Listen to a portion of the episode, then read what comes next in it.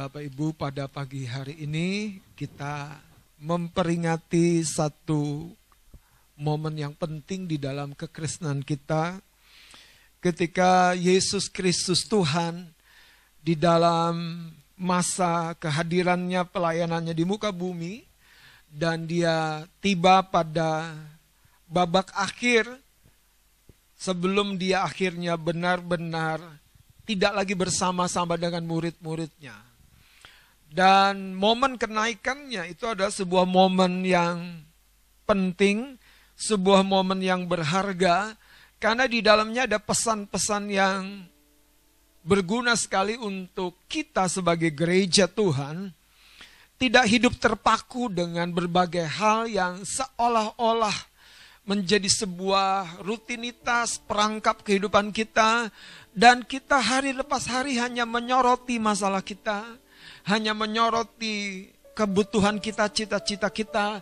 Sementara di sisi yang lain kita lupa menyoroti agenda Tuhan. Kehendak Tuhan buat engkau dan saya umatnya. Nah mari kita lihat dalam kisah Rasul pasal yang pertama. Kisah Rasul pasal yang pertama dari ayat yang ke-6. Dari judul perikop Yesus terangkat ke sorga. Saya akan baca dari ayat yang ke-6 sampai ayat yang ke-11. Yesus terangkat ke sorga. Maka bertanyalah mereka yang berkumpul di situ. Tuhan, maukah engkau pada masa ini memulihkan kerajaan bagi Israel? Jawabnya, engkau tidak perlu mengetahui masa dan waktu yang ditetapkan Bapa sendiri menurut kuasanya tetapi kamu akan menerima kuasa kalau roh kudus turun ke atas kamu. Dan kamu akan menjadi saksiku di Yerusalem dan di seluruh Yudea dan Samaria dan sampai ke ujung bumi. Sesudah ia mengatakan demikian, terangkatlah ia disaksikan oleh mereka dan awan menutupinya dari pandangan mereka.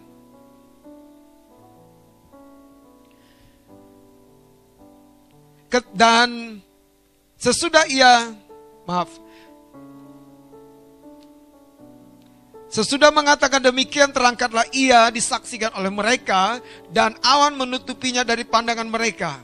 Ketika mereka sedang menatap ke langit waktu ia naik itu, tiba-tiba berdirilah dua orang yang berpakaian putih dekat mereka dan berkata kepada mereka, "Hai orang-orang Galilea, Mengapakah kamu berdiri melihat ke langit? Yesus ini yang terangkat ke sorga meninggalkan kamu akan datang kembali dengan cara yang sama seperti kamu melihat dia naik ke sorga. Nah, menarik sekali dalam cerita yang sebetulnya cukup pendek. Ada sebuah koreksi dari malaikat-malaikat yang mendampingi peristiwa kenaikan Yesus pada waktu itu dan dua orang malaikat Tuhan yang berpakaian putih yang dicatat di cerita ini menyapa orang-orang yang ada pada waktu itu. Ingat saudara, bukan hanya 12 orang murid yang bersama-sama dengan dia pada waktu itu. Nah, menarik di sini malaikat Tuhan menegur mereka dalam sebuah konteks mereka sepertinya seperti sedang menatap ke langit yang kosong, sementara Yesus hilang dari pandangan mereka. Mereka menatap atau menyoroti langit yang tiba-tiba menutupi pandangan mereka dari Tuhannya yang setelah 40 hari kira-kira menampakkan diri setelah kebangkitannya. Makanya lihat ayat yang ke-10, ketika mereka sedang menatap ke langit, waktu ia naik, tiba-tiba berdirilah dua orang yang berpakaian putih dekat mereka, dan ayat 11-nya, dan berkata kepada mereka, Hai orang-orang Galilea, mengapakah kamu berdiri melihat ke langit? Jadi konotasinya mereka bukan lagi melihat Yesus. Yesus sudah tertutup awan. Mereka sedang menyoroti langit yang kosong. seolah-olah harapan mereka turut sirna dengan Yesus yang tertutupi awan-awan. Dan malaikat-malaikat ini berkata, Hai orang-orang Galilea, mengapakah kamu berdiri melihat ke langit? Langit yang bagaimana? Langit yang kosong itu. Yesus ini yang terangkat ke sorga, meninggalkan kamu akan datang kembali dengan cara yang sama seperti kamu melihat dia.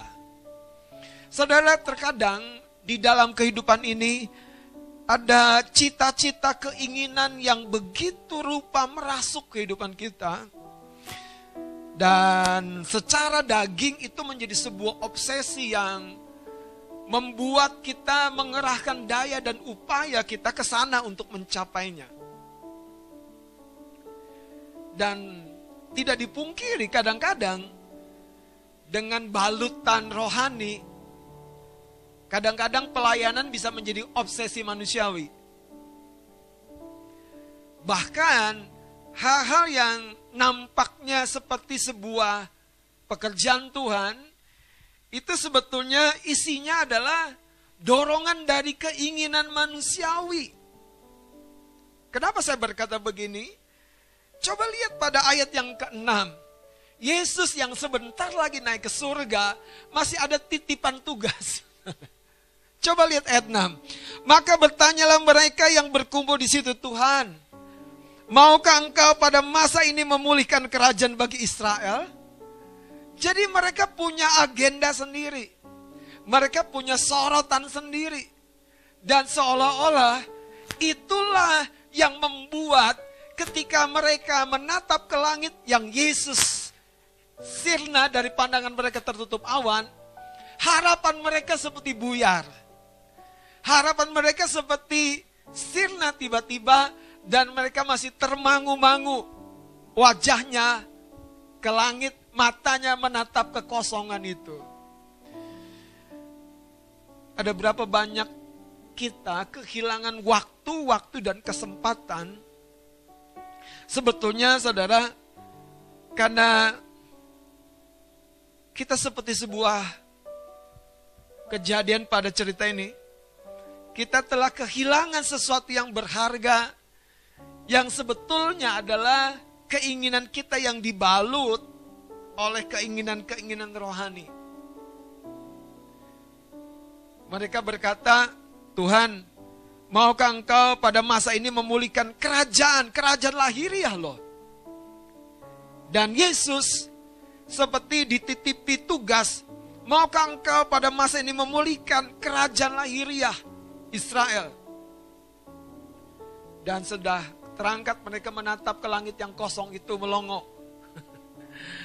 menatap langit yang kosong itu seperti hilang harapan.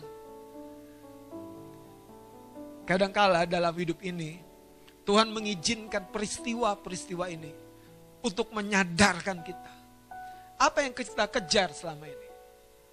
Apakah cita-cita manusiawi yang dibungkut dibungkus oleh kehendak Tuhan atau kehendak Tuhan yang sudah menguasai, mendorong kita. Saya lihat di sini masalahnya murid-murid belum juga melepas atau orang banyak orang-orang Galilea ini belum juga melepas agenda mereka, sorotan hidup mereka yang begitu kuat mereka bawa dan hadapkan kepada Tuhan. Sekali lagi, mereka belum juga melepas agenda mereka, belum juga menanggalkan. Bahkan ketika Yesus akan naik ke surga, mereka titipi sesuatu untuk memulihkan kerajaan Israel.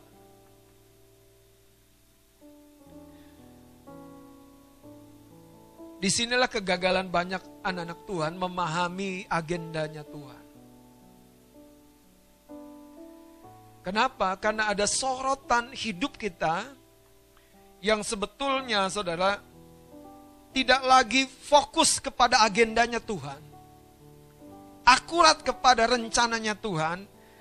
Tapi sudah bergeser kepada sorotan hidup kita sendiri. Agenda hidup kita sendiri keinginan hidup kita sendiri.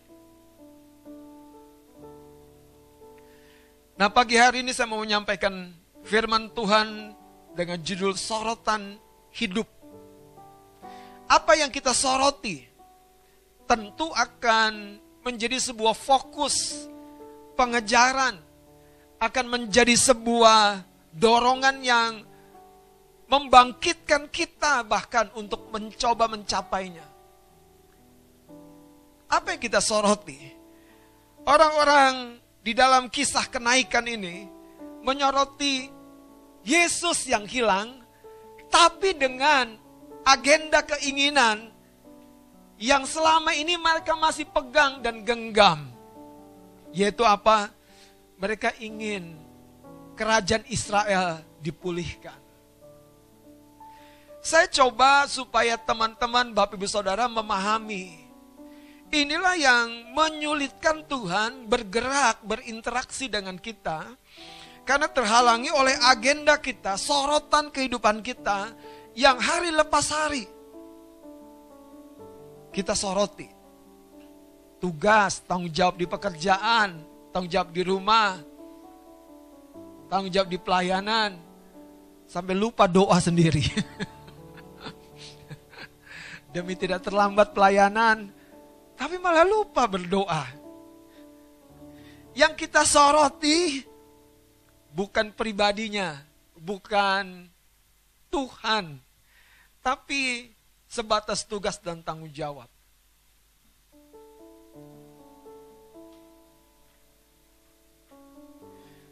Apa yang kita soroti akan menentukan bagaimana kita menjadi wadah yang siap bagi Tuhan atau sebaliknya.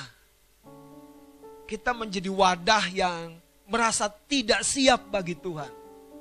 Sekali lagi, apa yang kita soroti akan menentukan apakah kita siap menjadi wadah yang siap buat Tuhan, mampu menjadi wadah yang siap buat Tuhan, atau kita hanya berkata Tuhan pakai yang lain saja.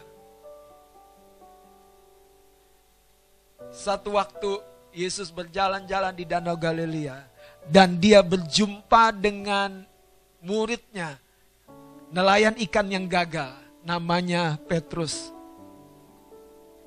Kemudian dia meminjam perahunya. Perahu yang semalaman mencoba menangkap ikan, tapi gagal.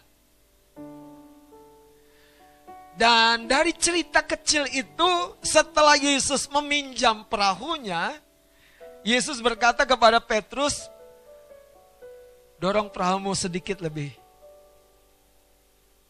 menengah ke laut. Tebarkan jalamu ke kanan. Petrus yang semalam-malaman berupaya, semalam-malaman berusaha menebar kanan, menebar kiri, belok kanan, belok kiri, pulang-pulang tanpa hasil. Itu menjadi memori yang kuat tentang kegagalan.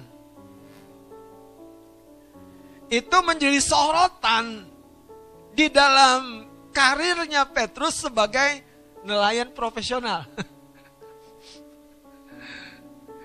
Dan ingat saudara, Petrus ini bukan nelayan kemarin sore. Petrus ini hidup dengan alam yang dia geluti. Makanya dia bersaudara pun, saudaranya ya nelayan juga.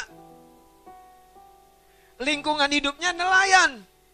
Sorotan agenda hidupnya adalah menangkap ikan tapi Yesus punya sorotan yang berbeda.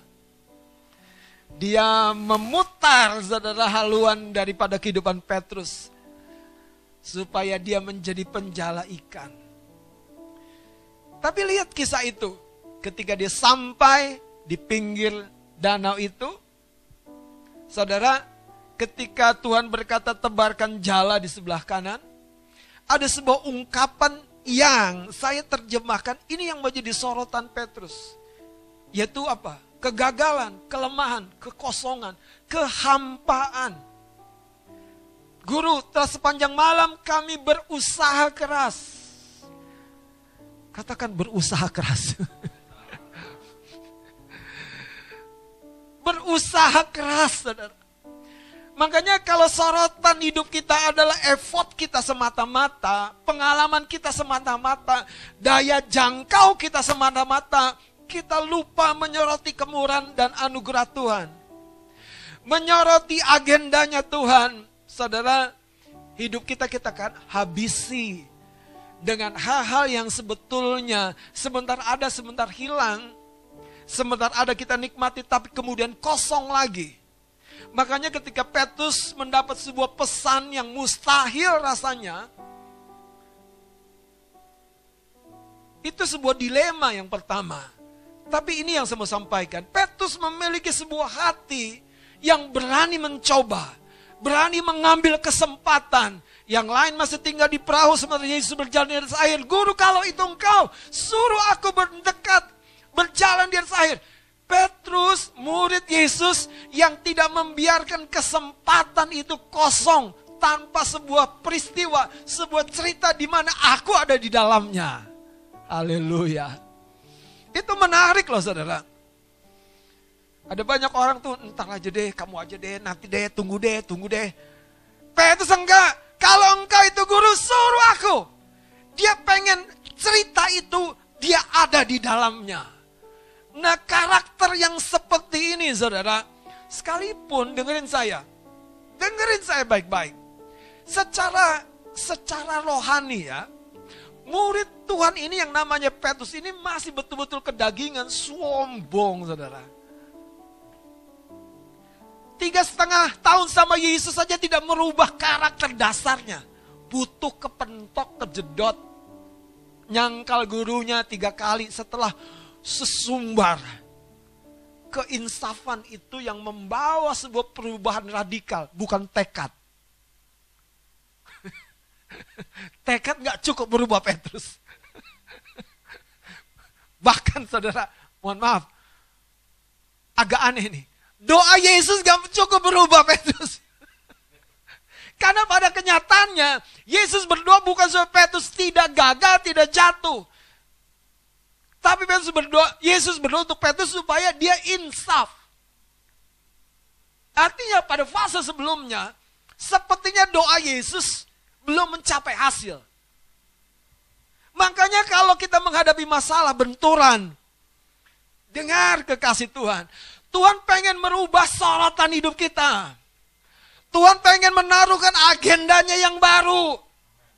Tuhan pengen membawa kita melihat apa sebetulnya yang dia ingin kita lakukan pada masa masa yang terbatas ini. Saudara kembali kepada kisah Rasul pasal yang pertama. Waktu orang-orang Galilea ini berkata, Tuhan maukah engkau pada masa ini memulihkan kerajaan bagi Israel? Lihat jawabnya saudara. Ayat yang ketujuh, jawab Yesus. Engkau tidak perlu mengetahui masa dan waktu Engkau tidak perlu mengetahui masa dan waktu. Artinya, itu tidak penting bagimu. Itu bukan agendaku mengetahui masa dan waktunya. Artinya, Tuhan sedang ngomong, kamu belum paham yang aku mau sebetulnya. Dan lihat, engkau tidak perlu mau mengetahui masa dan waktu yang ditetapkan Bapa sendiri menurut kuasanya, tetapi, tetapi, ada dua hal yang sebetulnya menjadi agenda dan sorotan Tuhan buat hidup kita dalam memperingati kenaikannya ini. Yang pertama, Tuhan ingin kita mengalami kepenuhan roh. Makanya ketika pertanyaan itu terlontar, Tuhan tidak menjelaskan detail kenapa aku tidak setuju, kenapa bukan itu yang aku mau. Tuhan lantas menyampaikan yang penting, yang sebetulnya aku mau. Dia berkata begini, ayat 8, tetapi kamu akan menerima kuasa. Jadi pesannya yang pertama, sorotan Tuhan, gereja, anak-anak Tuhan, kita perlu menerima dan mengalami kuasa itu. Yesus sendiri berkata, kalau Bapak di dunia ini, anaknya minta batu, tidak minta roti, tidak akan dikasih batu. Minta ikan tidak akan dikasih ular. Kamu akan menerima roh kudus dari Bapak. Dengar saudara, bandingkan berkat lahir ya, dibandingkan dengan roh kudus. Saya waktu baca ini kenapa Tuhan kok bandingkannya nggak nyambung, jomplang. Karena sebetulnya menerima Roh Kudus itu suatu kebutuhan yang begitu esensi sekali. Itu begitu penting sekali, saudara. Menerima Roh Kudus. Satu kali Petrus dihadapkan dengan mahkamah agama. Dan mereka dipertanyakan banyak hal. Tapi Alkitab mencatat dan Petrus yang penuh Roh Kudus. Dinamika kepenuhan itu kita perlu bangun dan jaga. Itu yang membuat mata air yang memang sudah Tuhan taruh menurut Yohanes 7 kamu akan menerima roh kudus, mata air itu, dan menjadi aliran-aliran kehidupan itu akan mengalir. Jadi dinamika kepenuhan itu, saudara. Dan Yesus berkata, kamu akan menerima kuasa. Kalau roh kudus turun ke atas kamu, dan kamu akan menjadi saksiku. Jadi dua poin yang harusnya juga menjadi sorotan dan agenda kehidupan kita. Saudara, pertanyaannya, banyak kita tidak cukup meluangkan waktu. Kita menghambur-hamburkan kesempatan. Mari kita lihat beberapa contoh yang menarik dari pribadi-pribadi yang sungguh-sungguh saudara mengerti bahwa kesempatan yang terbatas itu perlu sungguh-sungguh digunakan dengan baik. Lihat suratan Rasul Paulus dalam Efesus pasal yang kelima. Haleluya, haleluya.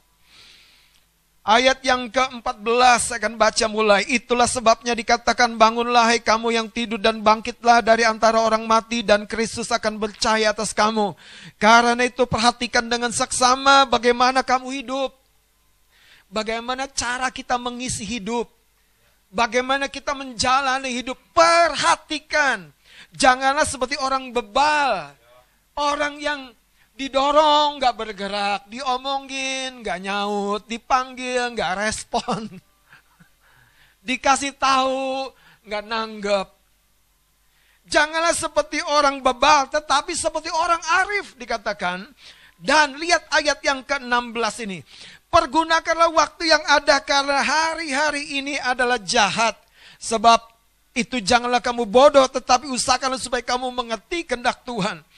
Kembali kepada kisah Rasul pasal yang pertama, saya melihat di sini saudara, yang menarik setelah dua poin Tuhan tekankan, mengalami kepenuhan roh kudus, menjadi saksi, dan mengalami kepenuhan roh kudus ini bukan sekedar baptisan roh, tapi mengalami sebuah dinamika kepenuhan roh dalam setiap kesempatan. Itu yang membuat kita, itu yang menjadikan kita, itu yang mentraining kita, bukan ilmu-ilmu lain-lainnya yang sebetulnya tambahan. Itu yang menjadikan kita saksi, karena itu bilang gitu. Kamu akan menjadi saksi kalau roh kudus turun. Sorotan kita, pengalaman kepenuhan rohnya itu yang membuat kita nggak nggak bisa nahan untuk ngomong, untuk menceritakan kasih Yesus. Saudara, Tuhan mau kita menggunakan kesempatan untuk dua hal ini. Makanya pada ayat yang ke-6, kisah Rasul pasal yang pertama ini, ketika Orang-orang Galilea itu berkata, maukah engkau memulihkan kerajaan bagi Israel? Yesus menjawab pada ayat yang ketujuh, engkau tidak perlu mengetahui masa dan waktu yang ditetapkan Bapa sendiri menurut kuasanya. Artinya, untuk sementara bukan itu yang penting buat kamu. Ada hal-hal lain yang kau perlu kejar, raih pada kesempatan yang penting, yang berharga ini. Makanya Paulus berkata, pergunakan waktu. Perhatikan cara hidupmu.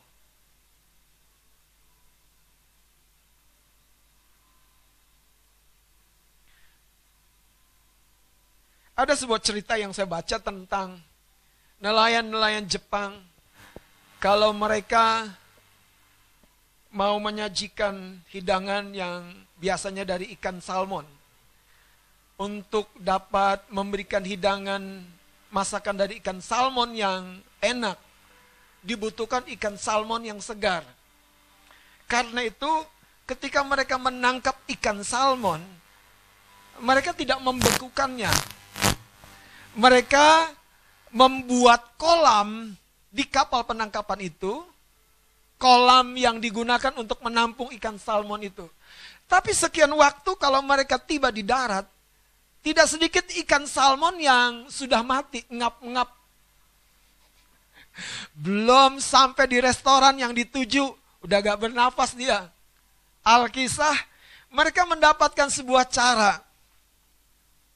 Nelayan-nelayan Jepang ini mereka menangkap ikan hiu kecil dan ikan hiu kecil itu ditaruh bersama ikan-ikan salmon itu di dalam kolam tempat penampungan hasil penangkapan ikan salmon itu.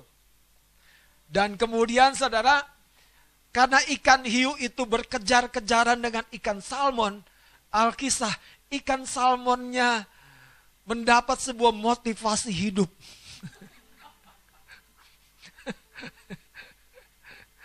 Saudara tahukah? Seringkali Tuhan tuh izinkan masalah supaya engkau hidup lebih dari hidup. Nelayan Jepang itu cukup cerdik. Dia tidak taruh ikan hiu yang besar. Sama seperti Tuhan berkata, masalah-masalah yang biasa sebetulnya. Yang kau hadapi yang tidak melebihi kekuatanmu. Amin. Saudara, kalau orang ya itu mulai ada di zona aman, lihat saudara. Lihat saudara, tidak heran banyak kelebihannya dalam hidup. banyak kelebihannya, lebih tidurnya, Ya kan? Itu kalau sudah di zona aman itu lebih tidurnya, lebih jajannya, ya, ya kan? Terus lebih lebih kanan lebih kirinya, saudara, ya kan? Banyak kelebihannya. Yang anehnya dia lebih banyak lagi tuntutannya. Bisa cuci piring, suaminya disuruh cuci piring. Karena dia udah di zona aman. Tapi coba izinkan ada ikan hiu kecil, saudara. Yang berkejar-kejaran dengan ikan salmon di kolam itu. Tiba-tiba, saudara, yang biasanya sakit pinggang, sakit punggung, sakit encok sembuh semua. Yang biasanya ada banyak alasan, nggak bisa berdoa, nggak bisa datang pertemuan, datang tuh, saudara. Yang, aduh kayaknya mau hujan nih, ah, sorry ya bang, Aku ikut di streaming aja, tiba-tiba datang tuh. Makanya kadang-kadang Tuhan perlu izinkan ikan hiu-ikan hiu kecil, saudara. Mengejar Anda. Kalau semua sudah tersedia, semua sudah ada, semua sudah baik-baik saja, dan Tuhan terlupakan. Agenda Tuhan terlupakan. Lihat apa yang dikejar, apa yang diingini oleh orang-orang Galilea ini. Memulihkan kerajaan lahiriah. Pada Tuhan ingin memulihkan kerajaannya di muka bumi. Amin. Makanya dia butuh melepaskan kuasa rohnya bagi murid-muridnya. Dan kedua, kita perlu menjadi saksinya bukan karena pertama-tama berbagai-bagai keputusan training dan komitmen, tapi karena pengalaman menerima api. Dengerin saya saudara. Kita perlu kembali menjadi gereja yang menyoroti bukan agenda-agenda kita. Gaji kita lebih gede di pekerjaan. Itu penting, penting. Tapi tahukah, makanya Yesus ketika pinjam perahunya Petrus, dia tidak interview dulu. dia tidak interview dulu. Ya, Terus dia putuskan, kamu cocok jadi muridku. Nggak ada cocok-cocoknya. Nggak ada. Apalagi yang namanya Yudas. Tapi dia jadikan murid juga. Makanya kesempatan di tangan kita. Kita mau di rumah atau mau memuridkan. Kesempatan di tangan kita. Kita mau berleha-leha atau mimpi-mimpi atau menghayal-hayal atau kita menjadi saksi. Akan tiba waktunya. Skor akan dihitung. Hidup 80 tahun. Banyak kelebihannya. Tapi nggak ke mana-mana. Kenapa? Karena agenda pribadi, agenda dirinya itu kental sekali, saudara. Saya mau beritahu, kalau Anda percaya kepada agenda Tuhan, lihat khotbah hari Minggu, Zakaria dan Elizabeth tidak absen dalam pelayanannya. Kesetiaannya, komitmennya, itu membawa dia satu rel bersama dengan kegerakan dalam sebuah jawaban Tuhan bagi doa, doa yang dipanjatkan. Paulus sudah kehilangan banyak waktu. Makanya dia jadi satu model yang radikal untuk memanfaatkan kesempatan menjadi saksi. Mari kita lihat 1 Korintus 16 ayat 9. Pertanyaannya buat kita, apakah kita sudah menjadi saksi?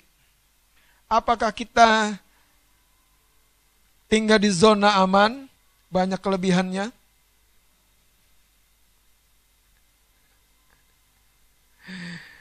Kita menghitung-hitung kesulitan, kegagalan dan lain-lainnya, lupa menghitung bahwa Tuhan memberikan kesempatan buat kita untuk kita ada di dalam cerita itu. Haleluya. Lihat saudara 1 Korintus 16 ayat yang ke-9. Sebab di sini banyak kesempatan, banyak kesempatan, banyak kesempatan banyak kesempatan. Mau Anda bersaksi di restoran, bersaksi di rumah, undang orang. Mau Anda bersaksi di kantor, banyak kesempatan. Tapi kalau itu tidak terjadi, biasanya bukan kurang pengetahuan, tapi kurang api. Kurang api, saudara. Kurang api. Kurang api. Lihat, Alkitab berkata begini. Banyak kesempatan bagiku untuk mengerjakan apa? Pekerjaan yang besar dan penting. Pekerjaan yang besar dan penting. Sekalipun ada banyak penentang. Yang menjadi sorotan rasul yang satu ini. Murid yang teladan ini. Sorotannya bukan penentang-penentang. Mau Anda bikin YouTube untuk penginjilan banyak yang dislike-nya. Anda tahu Tuhan mau saya bikin ini. Go ahead. Mau Anda banyak di komen negatif. Kenapa? Masalahnya kita harus tahu, sorotan kita bukan penentang-penentang, tapi kesempatan. Rasul Paulus sudah berkali-kali dan tiap pelayannya selalu, selalu, selalu penentang-penentangnya hebat-hebat. Tapi dia tidak berkecil hati kalau di akhir pelayanannya dia masuk penjara. Kenapa? Karena Alkitab berkali-kali mencatat. Setelah dia turun panggung masuk penjara, eh ada orang-orang yang percaya kepada berita keselamatannya. Saya berdoa, api yang baru turun menyertai kita karena kenaikannya meninggalkan sebuah pesan. Kamu akan menerima kuasa kalau roh kudus turun ke atas kamu. Dan sorotanmu bukan lagi langit yang kosong. Sorotanmu bukan lagi langit yang hampa. Tapi sorotanmu adalah tugas yang kutinggalkan dalam penyertaan roh kudus bersama-sama dengan kamu. Kekasih-kekasih Tuhan, saya berdoa gereja akan menjadi gereja yang mulai. Sorotannya adalah mengalami gairah, dinamika kepenuhan roh. Bangun pagi, dinamika kepenuhan roh. Bahasa roh dengan gegap gembita, dengan yakin. Sekalipun volume suara lembut saja. Tapi yang di batin ini bergelora, bergelora. Seperti baterai yang rechargeable tuh. Itu mengalami sebuah asupan, mengalami asupan, mengalami asupan. Dan waktu dia full charge. Saudara tahu dia siap beroperasi. Saudara, saya berdoa ini pengalaman yang betul-betul kita terapkan. Tuhan berkata, kamu gak perlu tahu waktu dan masanya. Artinya apa? Bukan itu sorotan kamu. Sorotan kamu adalah jadilah saksi. Alamilah kepenuhan roh kudus. Jadilah saksi, alamilah dinamika kepenuhan roh kudus. Kalau itu kita alami, saya percaya Tuhan akan bersuka cita karena agendanya selalu saudara ada di dalam sebuah hal yang apa namanya harmonis dengan hidup kita. Sementara kita menyelesaikan agendanya Tuhan, sebetulnya di sana juga kita mengalami pemenuhan-pemenuhan dalam hidup kita. Kita berjumpa dengan orang-orang yang akan menyertai kehidupan kita, kita akan mengalami peningkatan-peningkatan kualitas dalam hidup kita. Kita akan mengalami berbagai pengalaman yang baru bersama dengan Tuhan. Dan di akhir dari cerita kehidupan kita, kita akan membawa banyak kesaksian untuk nama Tuhan dipermuliakan. Amin. Mari kita bangkit berdiri.